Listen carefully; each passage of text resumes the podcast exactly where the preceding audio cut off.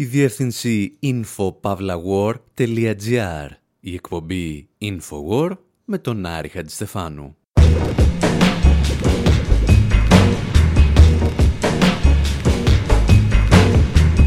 όπου σήμερα αποφασίσαμε να σας εισάγουμε στον μουσικό πολιτισμό των Αμερικανικών εκλογών. Αναρωτιόμαστε αν ο Μπαράκ Χουσέιν Ομπάμα είναι ο πιο μαύρος πρόεδρος που γνώρισαν οι Ηνωμένες Πολιτείες τις τελευταίες δεκαετίες και δεν αναφερόμαστε στο χρώμα του δέρματός του. Ρωτάμε τον Τάρι Καλή να μας εξηγήσει τι διαφορετικό έφερε ο Ομπάμα σε σχέση με τον Μπούς και τον παρατηρούμε να ξύνει το κεφάλι του με αμηχανία. Αφιερώνουμε ένα τραγούδι σε κάθε προεκλογική υπόσχεση που δεν έγινε ποτέ πραγματικότητα. Σκεφτόμαστε πως είναι να υπόσχεσαι υγεία για όλους και λιγότερους πολέμους και να προσφέρεις περισσότερους πολέμους και λιγότερη υγεία. Ακούμε τον Τζούλιαν Ασάνς να γκρινιάζει για την πολιτική του Αμερικανού Προέδρου και την Ναόμι Κλάιν να υποστηρίζει ότι εγώ σας τα είχα πει. Όπως κάθε infowar που ασχολείται με τον Ομπάμα, ξεκινάμε αποτείοντας φόρο πολιτισμικής τιμής στην ελληνική ομογένεια των Ηνωμένων Πολιτειών. Αλλαγή, change, ισότητα, equality, ελευθερία, freedom, υπόσχεση, promise, δημοκρατία, democracy, δικαιοσύνη, justice, πάθος, passion, επαφή, connection, πεποίθηση, conviction, ηγεσία, leadership, ελπίδα, and hope. And hope. Αυτός όραμα κι αξία, Ομπάμα, Ομπάμα, είστε στη δημοκρατία, Ομπάμα, Ομπάμα, όνειρο όνειρα παιδεία, Ομπάμα, Ομπάμα, άνθρωποι με ελευθερία, Ομπάμα, Obama. Obama, Obama, it's time for a change. No disrespect to Senator McCain, but the Bush administration put America to shame. Now we're looking for someone, listen what we're saying. We don't want war, we want peace. We don't want high gas, we want to cheap. We don't want poverty, really want everyone to eat. And that way my man can stop hustling the streets. We want more jobs, a better education, a cleaner environment, a more united nation. Uh, can you unite the nation?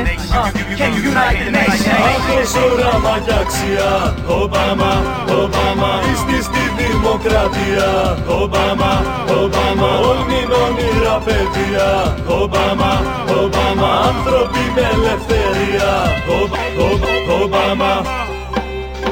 Ρεπουμπλικάνοι, οι Έλληνες μήνυμα σας στέλνουν. Θητεία ως εδώ τώρα στο σπίτι σας στέλνουν. Την πλάτη τους γυρίσατε για τη Μακεδονία. Γιατί έχετε ξεχάσει τι θα πει Δημοκρατία. Δημοκρατία θα πει να ακούτε τον πολίτη όταν φωνάζει μες στον δρόμο στρατιώτες να έχουν σπίτι. Μίστερ Μακέιν, πολέμους πριν αρχίσετε για νέους πατριώτες που σκοτώθηκαν μετρήσετε. Κάντε και μια βόρτα σε πλατείες και σχολεία. Εκεί που τα παιδιά μας βρίσκουν πράζα με ευκολία. Οι πολίτες του κόσμου δίνουν μήνυμα ειρήνης. Στο πρόσωπο των Μπάμα βρίσκουν αίσθημα ευθύνης. Ιδεώδη, ιδανικά, όνειρα και ελευθερίες. Αυτά αντιπροσωπεύουν οι Ηνωμένες Πολιτείες.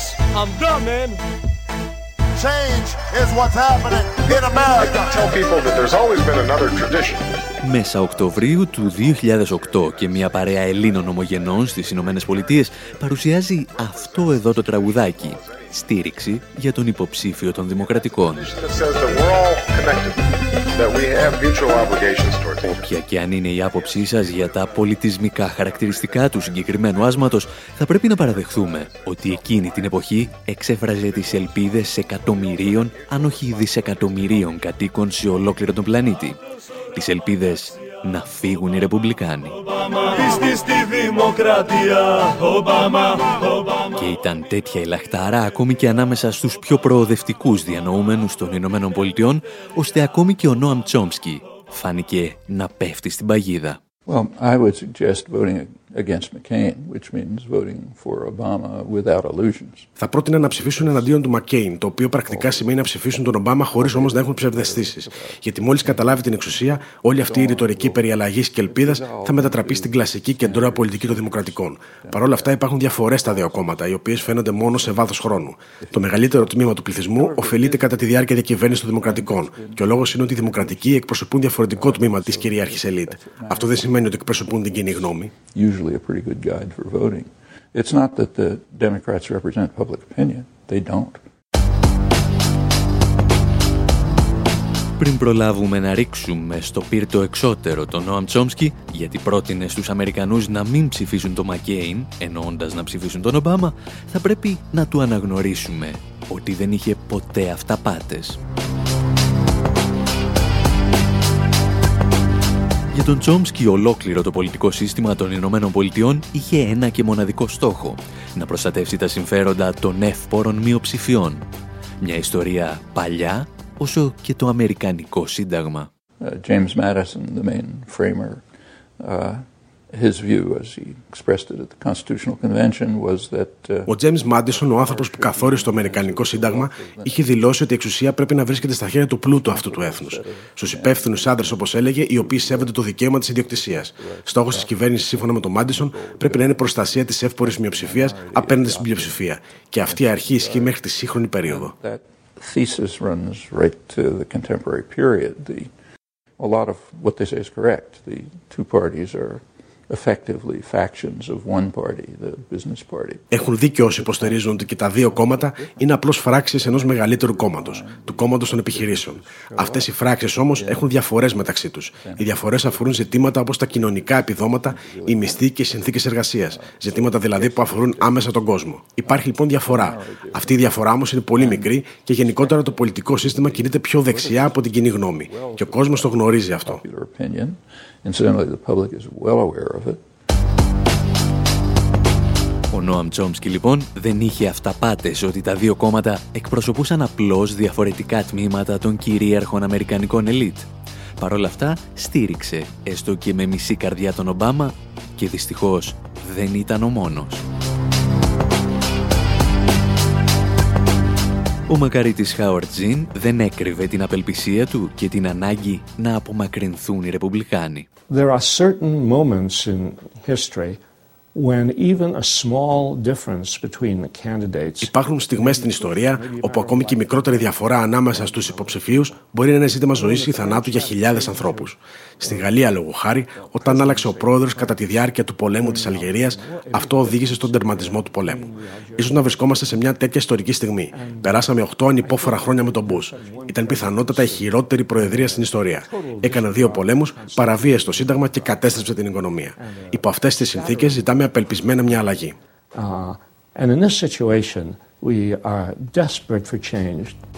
Και πριν προλάβετε να κατηγορήσετε και τον Χάορτ Ζιν για μικροκομματικές σκοπιμότητες, να σας θυμίσουμε ότι τουλάχιστον ούτε αυτός είχε αυταπάτες. Αυταπάτες για τα χαρακτηριστικά του αμερικανικού πολιτικού συστήματος. You know, I'm very Είμαι πολύ επιφυλακτικός απέναντι στην Αμερικανική πολιτική διαδικασία. Γιατί το μόνο που δίνεις στου ψηφοφόρους είναι ένα πολύ απλό τεστ πολλαπλών επιλογών. Θα ψηφίσεις το Α ή το Β, δηλαδή τους Ρεπουμπλικάνους ή τους Δημοκρατικούς. Και η πολιτική των δύο κομμάτων είναι τόσο παρεφερή. Δεν είναι απόλυτα ίδια, αλλά αν κάποιος ψηφοφόρος αναζητά τολμηρές επιλογές για να αντιμετωπίσει τα προβλήματα της κοινωνίας μας, δεν θα τις βρει ούτε στους Ρεπουμπλικάνους ούτε στους Δημοκρατικούς. Και αυτό συμβαίνει και με τον Ομπάμα και τον Μακέιν.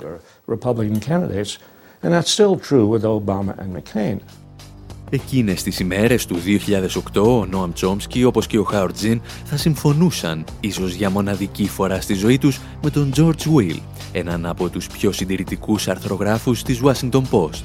Τον George Will που έλεγε κουβέντες σαν κι αυτές. Α αφήσουμε τους συναισθηματισμούς. Στις εκλογές δεν αποφασίζουμε αν θα κυβερνήσουν οι ελίτ, αλλά ποιες ελίτ θα κυβερνήσουν. Μεγάλες κουβέντες από έναν συντηρητικό αναλυτή, ο οποίος γνωρίζει τη δύναμη της τάξης που υπηρετεί και για το λόγο αυτό δεν κοροϊδεύει πάντα τους αναγνώστες του. Το δικό μας ερώτημα όμως παραμένει αναπάντητο. Πόσο λάθος ήταν τελικά η στάση του Χαρτζίν και του Νόαμ Τσόμσκι να στηρίξουν εμέσως τον Ομπάμα, αν και γνώριζαν τόσο καλά τα χαρακτηριστικά του παιχνιδιού. Σκεφτείτε το για όσο διάστημα οι Pearl Jam αφιερώνουν ένα τραγούδι τους στον Χαρτζίν και επιστρέφουμε.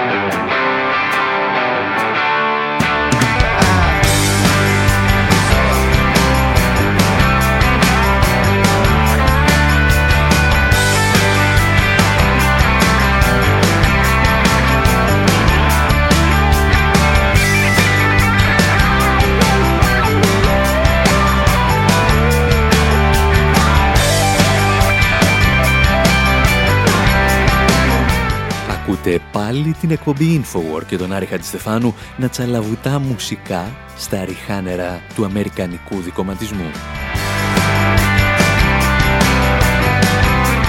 Ακούσαμε τον Νόαμ Τσόμσκι και τον Χάουρτ Ζιν να θεωρούν τον Ομπάμα ελαφρώς καλύτερο από τους Ρεπουμπλικάνους και έχουμε βαλθεί να αποδείξουμε ότι τότε είχαν κάνει λάθος.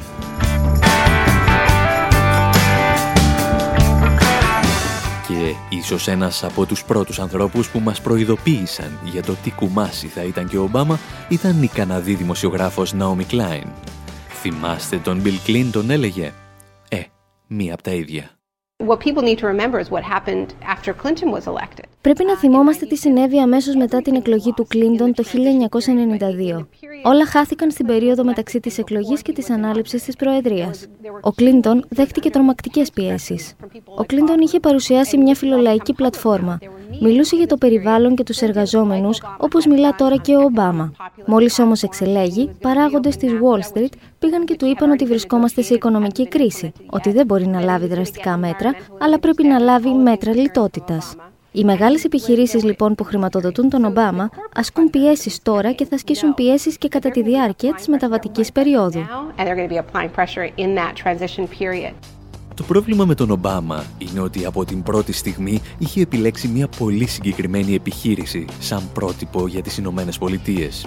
Είχε επιλέξει την αλυσίδα σούπερ μάρκετ Walmart. Ό,τι πιο κοντά στις συνθήκες εργασίας της Κίνας κατάφεραν να δημιουργήσουν σε αμερικανικό έδαφος. Τα έλεγε και αυτά η Naomi Klein. Αμέσως μόλις η Χίλαρη Κλίντον αποχώρησε από τους προκριματικούς, ο Ομπάμα επέλεξε τον Τζέισον Φέρμαν ως επικεφαλής του οικονομικού επιτελείου.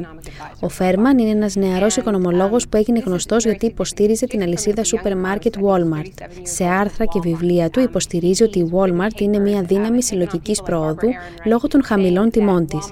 Έλεγε μάλιστα ότι όσοι ζητούν ανθρώπινους μισθούς για τους εργαζομένους τους κάνουν περισσότερο κακό παράκαλο. Είναι προφανές ότι κάπου εδώ η υπόθεση Ομπάμα άρχισε να βρωμάει. Τέσσερα χρόνια αργότερα, αρκετά από τα τραγούδια που κυκλοφορούν στο ίντερνετ δεν αντιμετωπίζουν τον μαύρο πρόεδρο σαν κομιστή της αλλαγής, αλλά σαν έναν ακόμη πολιτικό που πρόδωσε τους ψηφοφόρους του. Τραγούδια σαν αυτή την παροδία του Somebody That I Used To Know του Gautier Obama that I used to know. Σε ελεύθερη απόδοση στα ελληνικά, δεν είσαι ο Ομπάμα που αγαπούσα μια φορά. What began as a whisper has now swelled to a chorus that cannot be ignored. That will not be deterred. That will ring out across this land as a hymn that will heal this nation, repair this world, make this time different than all the rest. Yes, we can. Now and then I think of that election day, November.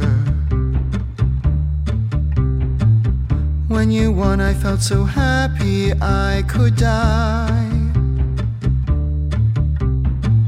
Chugged a fifth, paraded in the street. And I thank God that Palin wasn't Veep. It felt like change, and it's a hope I still remember. Change will not come. Θυμάμαι, λέει, ακόμα εκείνες τις εκλογές του Νοεμβρίου. Όταν κέρδισες ήμουν τόσο χαρούμενος που νόμιζα ότι θα πεθάνω. Και ευχαριστούσα το Θεό που δεν θα είχα για αντιπρόεδρο την Σάρα Πέιλιν. Ύστερα βέβαια, παραπονιέται ο καλλιτέχνης, τελείωσα το κολέγιο όταν εσύ ακόμα μιλούσες για αλλαγή. Αλλά η μόνη αλλαγή που έζησα είναι ότι έπρεπε να γυρίσω στο σπίτι της μάνας μου. Ακόμη και το μπλουζάκι που φορούσα κατασκευάζονταν στην Κίνα και κερδοσκοπούσε πάνω του η Goldman Sachs. Και το τραγούδι συνεχίζει για τις δολοφονίες αμάχων με μη επανδρομένα αεροσκάφη με το κολαστήριο του Γκουαντάναμο που παραμένει ανοιχτό παρά τις προεκλογικές υποσχέσεις και με ένα Νόμπελ Ειρήνης που δόθηκε πάλι στον λάθος άνθρωπο. Ιστορίες δηλαδή που θα θυμηθούμε στο δεύτερο μέρος της εκπομπής, πάντα με ισχυρές δόσεις μουσικής. Γιατί, όπως έλεγαν και οι Hives, λυπάμαι που σας το λέω, αλλά σας είχαμε προειδοποιήσει.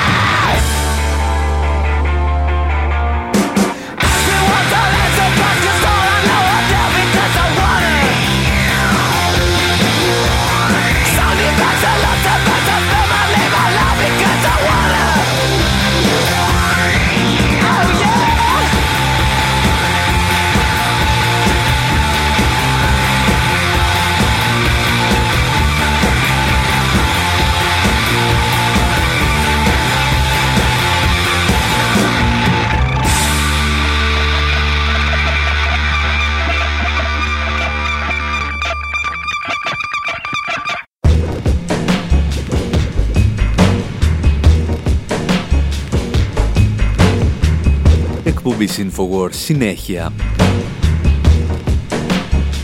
όπου έχουμε μπει σε κλίμα αμερικανικών εκλογών με ένα μουσικό απολογισμό στα πεπραγμένα της Προεδρίας Ομπάμα. Ακούσαμε τον Νόαμ Τσόμσκι και τον Μακαρίτη Χαορτζίν να πέφτουν σε λάθη, αλλά και την Ναόμι Κλάιν να προβλέπει ότι ο Ομπάμα δεν θα διέφερε και πολύ από τον προκάτοχό του. Εκεί, στο 2008 όμως, υπήρχε και ένας άλλος κύριος που δεν έβλεπε και με τόσο καλό μάτι την υποψηφιότητα Ομπάμα. Ήταν ο πακιστανικής καταγωγής διανοούμενος Τάρι Καλή. Πριν από μερικούς μήνες τον συναντήσαμε μαζί με τη συνάδελφο Κατερίνα Κιτίδη στην Κροατία και αυτός μας θύμισε την πρώτη υπόσχεση του Ομπάμα που έμεινε στα χαρτιά. Uh, Ο Αμερικανός Πρόεδρος υποσχόταν να κλείσει το κολαστήριο του Γκουαντάναμο σε ένα χρόνο από την εκλογή του, δηλαδή κάπου εκεί στο 2009. Όσο το είδατε να κλείνει εσείς, άλλο τόσο το είδαν και οι κρατούμενοι, μας είπε ο Ταρικαλή. On the question of civil liberties, where Obama had promised he would close down Guantanamo. Σε ό,τι αφορά τα κοινωνικά δικαιώματα, ο Ομπάμα υποσχέθηκε να κλείσει το Γκουαντάναμο. Όχι μόνο δεν το έκανε, αλλά απελευθέρωσε λιγότερους κρατούμενους σε σχέση με τον Μπούς. Επίσης, θεσμοθέτησε ότι κάθε Αμερικανός πρόεδρος μπορεί να διατάζει την εκτέλεση Αμερικανών πολιτών χωρίς να απαγγελθούν κατηγορίες ή να διεξαχθεί δίκη. Πρόκειται για ένα νόμο που θα μείνει για πάντα γιατί κανένας άλλος πρόεδρος δεν θα τον αποσύρει. So this is a law which is going to stay because no American president is going to hand it back. Σε ό,τι αφορά τα κοινωνικά δικαιώματα λοιπόν, ο Ομπάμα δεν συνέχισε απλώς την πολιτική Bush, αλλά την κλιμάκωσε. Και δεν χρειάζεται να είσαι κρατούμενος στον Γκουαντάναμο ή να σε αναζητάει CIA για να σε εκτελέσει, για να το καταλάβεις. Το ενδιαφέρον της ιστορίας είναι ότι η πρώτη επίθεση του Ομπάμα εναντίον των ατομικών και συλλογικών δικαιωμάτων δεν έγινε σε κάποια χώρα που ελέγχεται από αμερικανικά στρατεύματα κατοχής, αλλά στο εσωτερικό των Ηνωμένων Πολιτειών. Και όλα ξεκίνησαν με μία διαρροή στο Wikileaks. What's next, WikiLeaks? What's next, WikiLeaks? What's next? Don't stop now, we're on the edge of our seats. What's next, WikiLeaks? What's next, WikiLeaks? What's next? Well, don't stop now, we're on the edge of our seats. You have to watch what you say, or your words will haunt you. Take extra care when you speak. One of these days you just might find your foot stuck in your cheek. With a flabby old chap and Hitler hobnobbing and the head of a snake. And Batman and Robin, there's just no place to hide your disgrace. You got egg all over your face.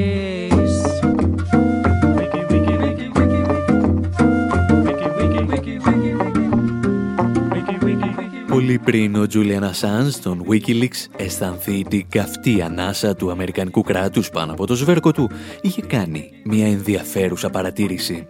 Αυτός ο Ομπάμα έλεγε είναι από τους μεγαλύτερους εχθρούς της ελευθεροτυπίας που έχουν περάσει από τις Ηνωμένες Πολιτείες.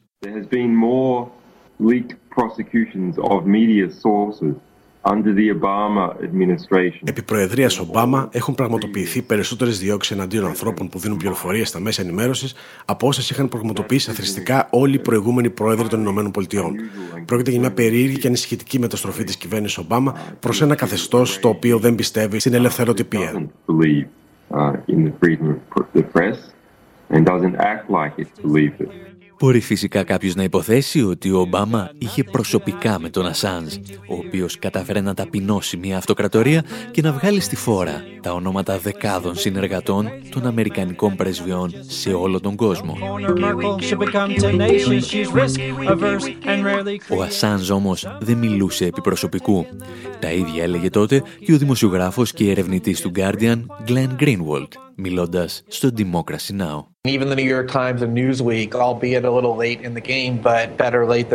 Ακόμη και έντυπα όπως η New York Times και το Newsweek, έστω και με καθυστέρηση, αναφέρουν σε κείμενά τους ότι η επιθέση της κυβέρνησης Ομπάμα εναντίον όσων αποκαλύπτουν σκάνδαλα δεν έχει προηγούμενο. Ακόμη δηλαδή και σε σχέση με την κυβέρνηση Bush, η οποία έχει κατηγορηθεί πολλές φορές ότι προσπαθούσε να πνίξει τις φωνές όσων προχωρούσαν σε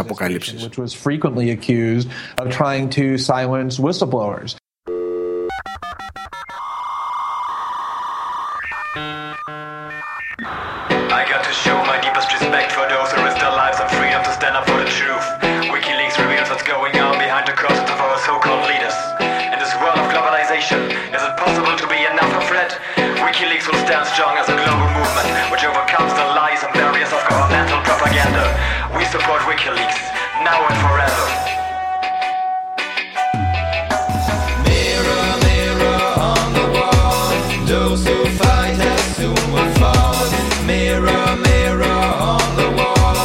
WikiLeaks reveals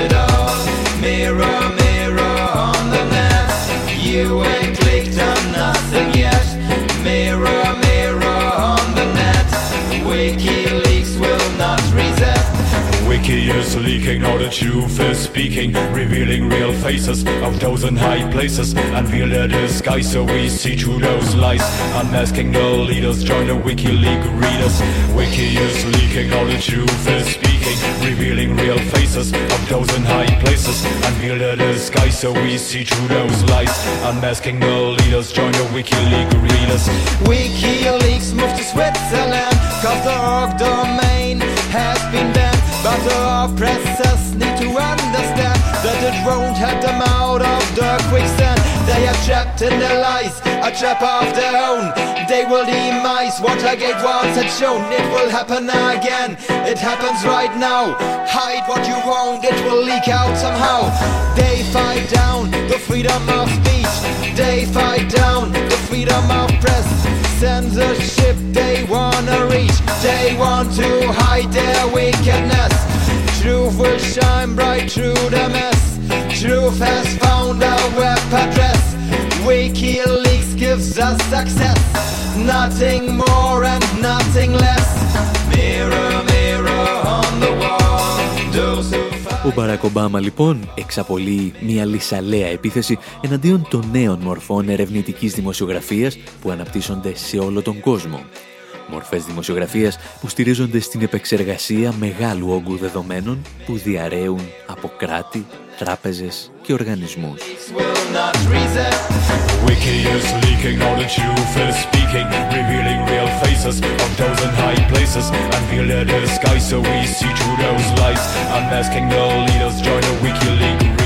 Το βασικό πρόβλημα όμως που κλήθηκε να αντιμετωπίσει ο Μπαράκ Ομπάμα ήταν η οικονομία ανέλαβε έναν πλανήτη στα όρια της χρηματοπιστωτικής κατάρρευσης και έκανε κάτι μαγικό.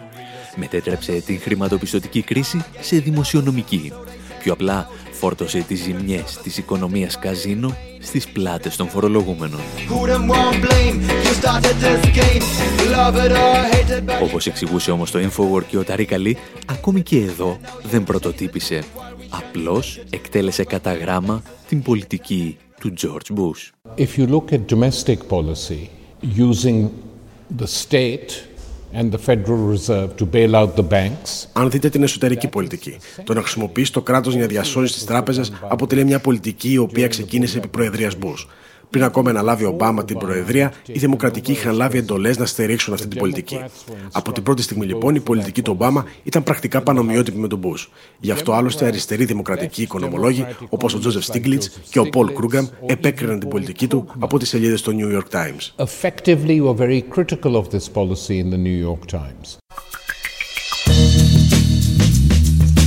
Όπως καταλαβαίνετε, το να φτάνεις στο σημείο να σε επικρίνει ο Τζόζεφ Στίγκλιτς, ο οποίος δεν βρήκε κακή κουβέντα να πει ούτε για τον Γιώργο Παπανδρέου, σημαίνει ότι έχεις κάνει κάτι τραγικά λάθος. Ο Ομπάμα βέβαια δεν θα μπορούσε να έχει κάνει κάτι διαφορετικό γιατί ήταν πάντα το αγαπημένο παιδί της Wall Street. Η θεωρία ότι συγκέντρωσε τα χρήματα της πρώτης προεκλογικής του εκστρατείας από μικρές συνεισφορές πολιτών ήταν απλώς για γέλια. Γιατί τα χρήματα που εκτείναξαν τον Ομπάμα στην Προεδρία προέρχονταν ως επιτοπλίστων από τα μεγαθύρια του αμερικανικού χρηματοπιστωτικού τομέα. Είχε συμμαχίσει από την πρώτη ημέρα με τους καρχαρίες και όχι με τους ανθρώπους. Καρχαρίες για τους οποίους έγραφε κάποτε ο Μπέρτολ Μπρέχτ. Ανθρώπους για τους οποίους τραγουδούσε ο Τόμ Waits σε μουσική του Κουρτ Βάιλ.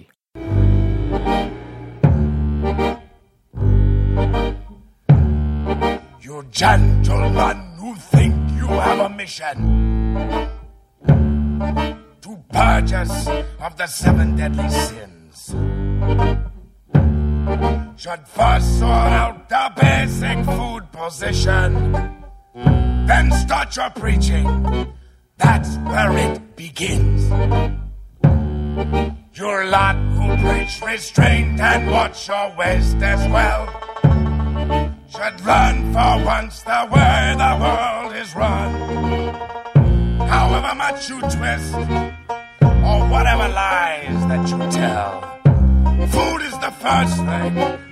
Morals follow on. So first make sure that those who are now starving get proper helpings. When we all start carving. What keeps mankind alive? What keeps mankind alive? The fact that daily stifled, punished, silenced, and oppressed.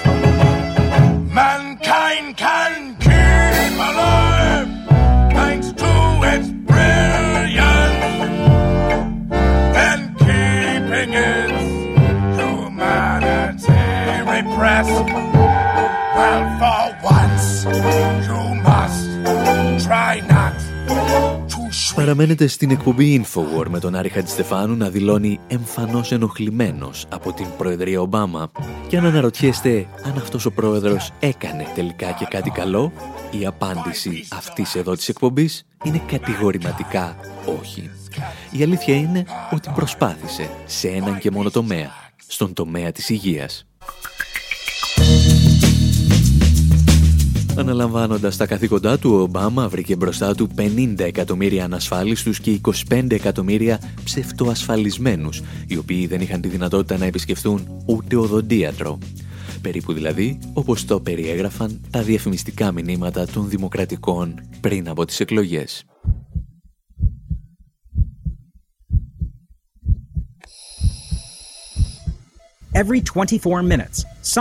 Κάθε 25 λεπτά ένας άνθρωπος πεθαίνει στις Ηνωμένες Πολιτείες επειδή δεν έχει ασφαλεία υγείας. Κάθε 30 δευτερόλεπτα ένας άνθρωπος χρεοκοπεί λόγω κάποιου προβλήματος υγείας.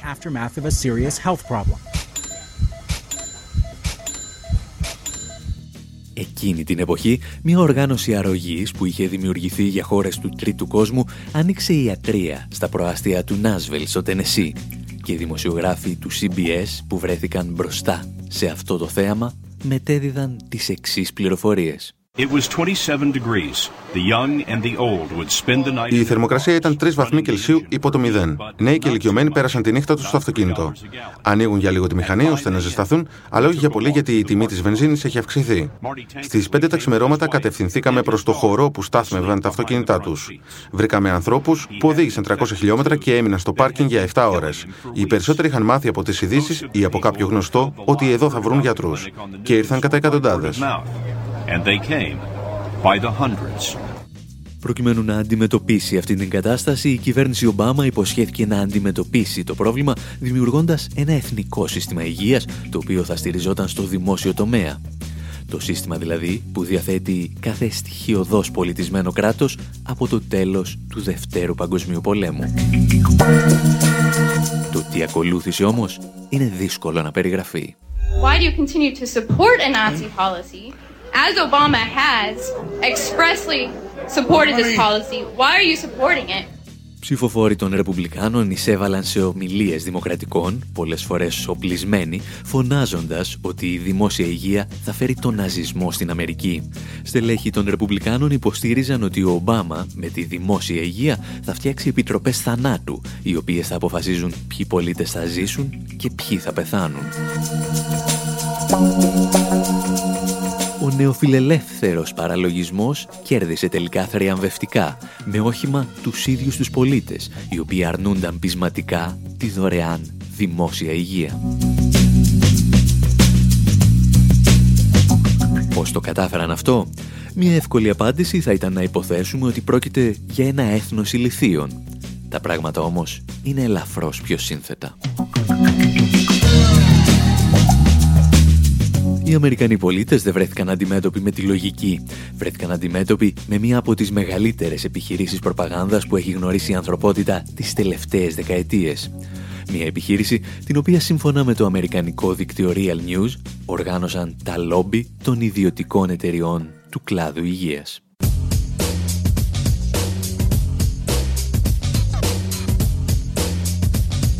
at this pivotal moment for change in the US. Σε αυτή την κρίσιμη περίοδο αλλαγής για τις Ηνωμένες Πολιτείες, τα λόμπι των ιδιωτικών εταιριών υγείας πληρώνουν καθημερινά 1,4 εκατομμύριο δολάρια. Η κυβέρνηση ουσιαστικά ελέγχεται από αυτό που στην Αμερική ονομάζουμε ειδικά συμφέροντα. Και όταν μιλάμε για τον κλάδο της υγείας, ο οποίος αντιστοιχεί στο 18% της οικονομίας, καταλαβαίνετε ότι πρόκειται για πανίσχυρα συμφέροντα. Η τελευταία προσπάθεια αλλαγής του συστήματος υγείας που έγινε από τον Bill Clinton απεβίωσε στο χειρουργικό τραπέζι. Έκτοτε η κατάσταση επιδεινώθηκε. Το κόστος νοσηλείας αυξήθηκε και μαζί του αυξήθηκαν και τα κέρδη των ιδιωτικών εταιριών. Σχεδόν 50 εκατομμύρια Αμερικανοί είναι πλέον ανασφάλιστοι.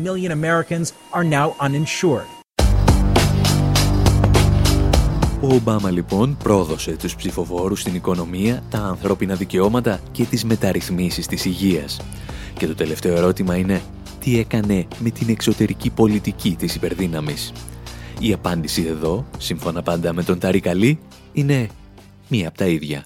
In foreign policy, He's escalated the war in Afghanistan. Στην εξωτερική πολιτική κλιμάκωσε τον πόλεμο στο Αφγανιστάν. Στον πρώτο 1,5 χρόνο της Προεδρίας του, διέταξε περισσότερες επιθέσεις με μη εμπαδρομένα αεροσκάφη στο Πακιστάν από όσε είχε διατάξει ο Μπούς σε πέντε χρόνια. Ουσιαστικά υπάρχει μια πολύ ισχυρή συνέχεια από τη διακυβέρνηση Μπούς σε αυτή του Ομπάμα. Between the Bush and Obama administrations is very, very strong. Και ο Ταρί Καλή φαίνεται εδώ να ξεχνά μια σειρά περιοχών του πλανήτη στις οποίες ο Ομπάμα κλιμάκωσε τις πολεμικές επιχειρήσεις. Αμερικανικές δυνάμεις συμμετείχαν σε βομβαρδισμούς στην Ιεμένη και τη Σομαλία, εισέβαλαν στη Λιβύη για να ανατρέψουν τον Καντάφη και τώρα εξοπλίζουν ομάδες τρομοκρατών που μάχονται τον Σύρο πρόεδρο Μπασάρα Λάσατ. Ομάδες τρομοκρατών δηλαδή που εκμεταλλεύτηκαν μια γνήσια λαϊκή επανάσταση.